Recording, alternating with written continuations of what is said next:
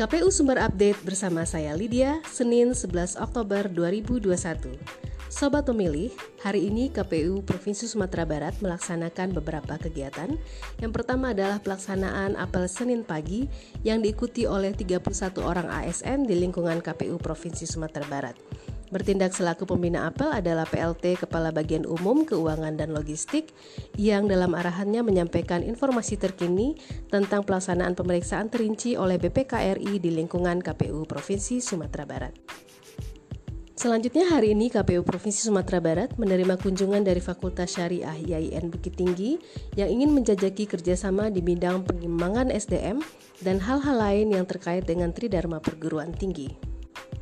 KPU Sumbar juga mengikuti webinar yang diadakan oleh Kementerian Dalam Negeri Republik Indonesia dengan tema Seleksi Calon Anggota KPU RI dan Bawaslu RI untuk periode tahun 2022 hingga 2027.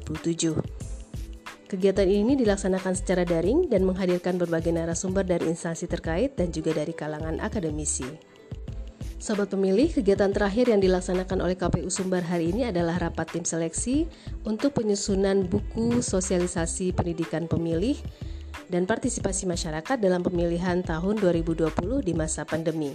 Tim seleksi telah menilai sebanyak 10 tulisan yang dikirimkan oleh KPU Kabupaten Kota, baik ataupun KPU Provinsi Sumatera Barat sendiri dan telah merekomendasikan dua tulisan yang akan dikirim ke KPU RI untuk seleksi selanjutnya.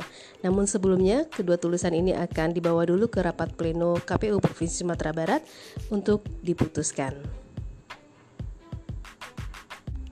Baik sobat pemilih, demikian KPU Sumber Update untuk hari ini.